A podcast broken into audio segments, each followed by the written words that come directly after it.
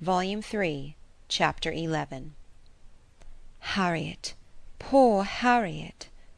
Those were the words; in them lay the tormenting ideas which Emma could not get rid of, and which constituted the real misery of the business to her. Frank Churchill had behaved very ill by herself, very ill in many ways, but it was not so much his behaviour as her own which made her so angry with him. It was the scrape which he had drawn her into on Harriet's account that gave the deepest hue to his offence. Poor Harriet! to be a second time the dupe of her misconceptions and flattery. Mr. Knightley had spoken prophetically when he once said: "Emma, you have been no friend to Harriet Smith." She was afraid she had done her nothing but disservice. It was true that she had not to charge herself, in this instance as in the former, with being the sole and original author of the mischief, with having suggested such feelings as might otherwise never have entered Harriet's imagination; for Harriet had acknowledged her admiration and preference of Frank Churchill before she had ever given her a hint on the subject but she felt completely guilty of having encouraged what she might have repressed. She might have prevented the indulgence and increase of such sentiments; her influence would have been enough; and now she was very conscious that she ought to have prevented them. She felt that she had been risking her friend's happiness on most insufficient grounds. Common sense would have directed her to tell Harriet that she must not allow herself to think of him, and that there were five hundred chances to one against his ever caring for her. But with common sense," she added, "I am afraid I have had little to do." She was extremely angry with herself. If she could not have been angry with Frank Churchill too it would have been dreadful. As for Jane Fairfax, she might at least relieve her feelings from any present solicitude on her account. Harriet would be anxiety enough; she need no longer be unhappy about Jane, whose troubles and whose ill health having, of course, the same origin, must be equally under cure.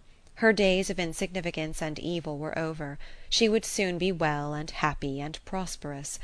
Emma could now imagine why her own attentions had been slighted; this discovery laid many smaller matters open. No doubt it had been from jealousy. In Jane's eyes she had been a rival, and well might anything she could offer of assistance or regard be repulsed. An airing in the Hartfield carriage would have been the rack, and arrowroot from the Hartfield storeroom must have been poison. She understood it all, and as far as her mind could disengage itself from the injustice and selfishness of angry feelings, she acknowledged that Jane Fairfax would have neither elevation nor happiness beyond her desert. But poor Harriet was such an engrossing charge! There was little sympathy to be spared for anybody else. Emma was sadly fearful that this second disappointment would be more severe than the first.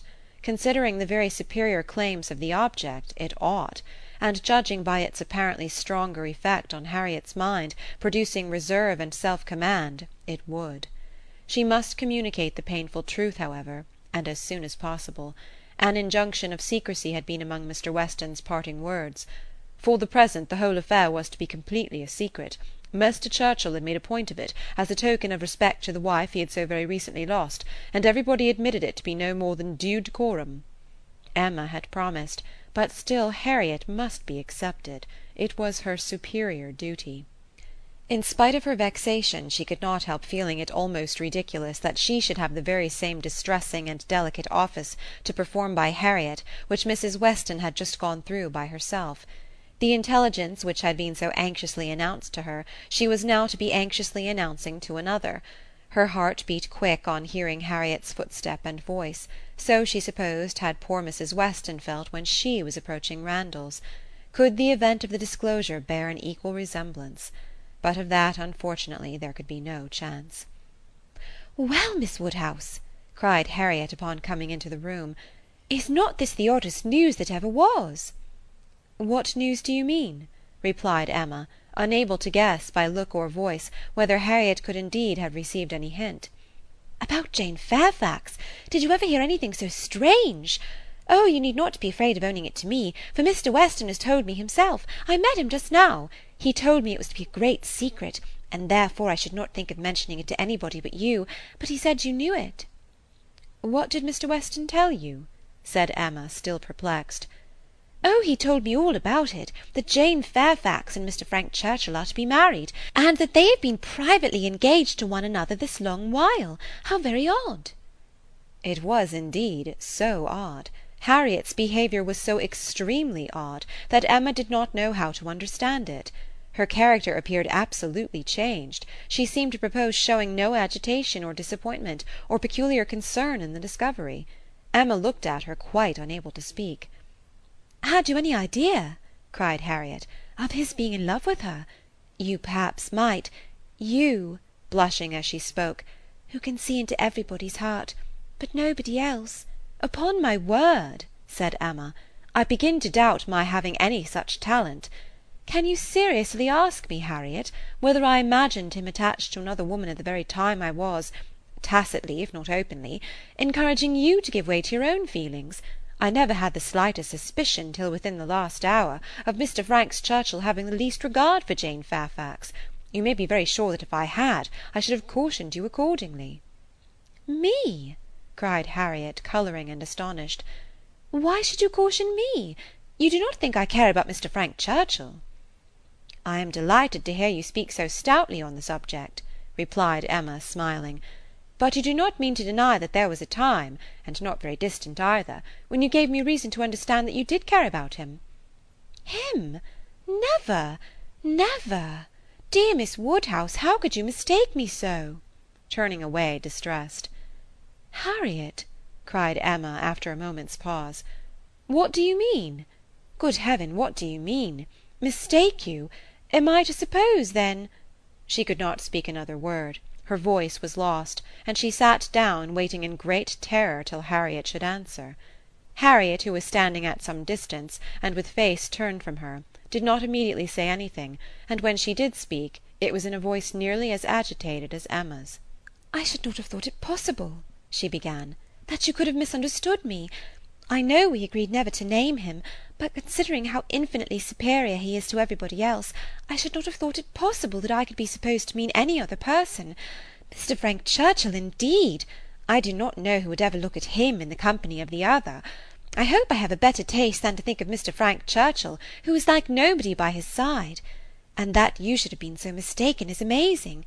I am sure, but for believing that you entirely approved and meant to encourage me in my attachment, I should have considered it at first too great a presumption almost, to dare to think of him.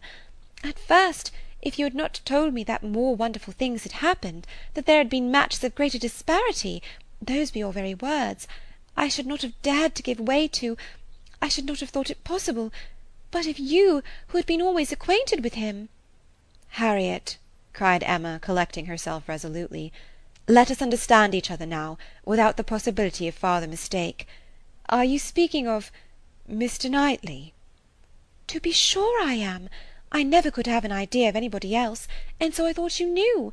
When we talked about him, it was as clear as possible."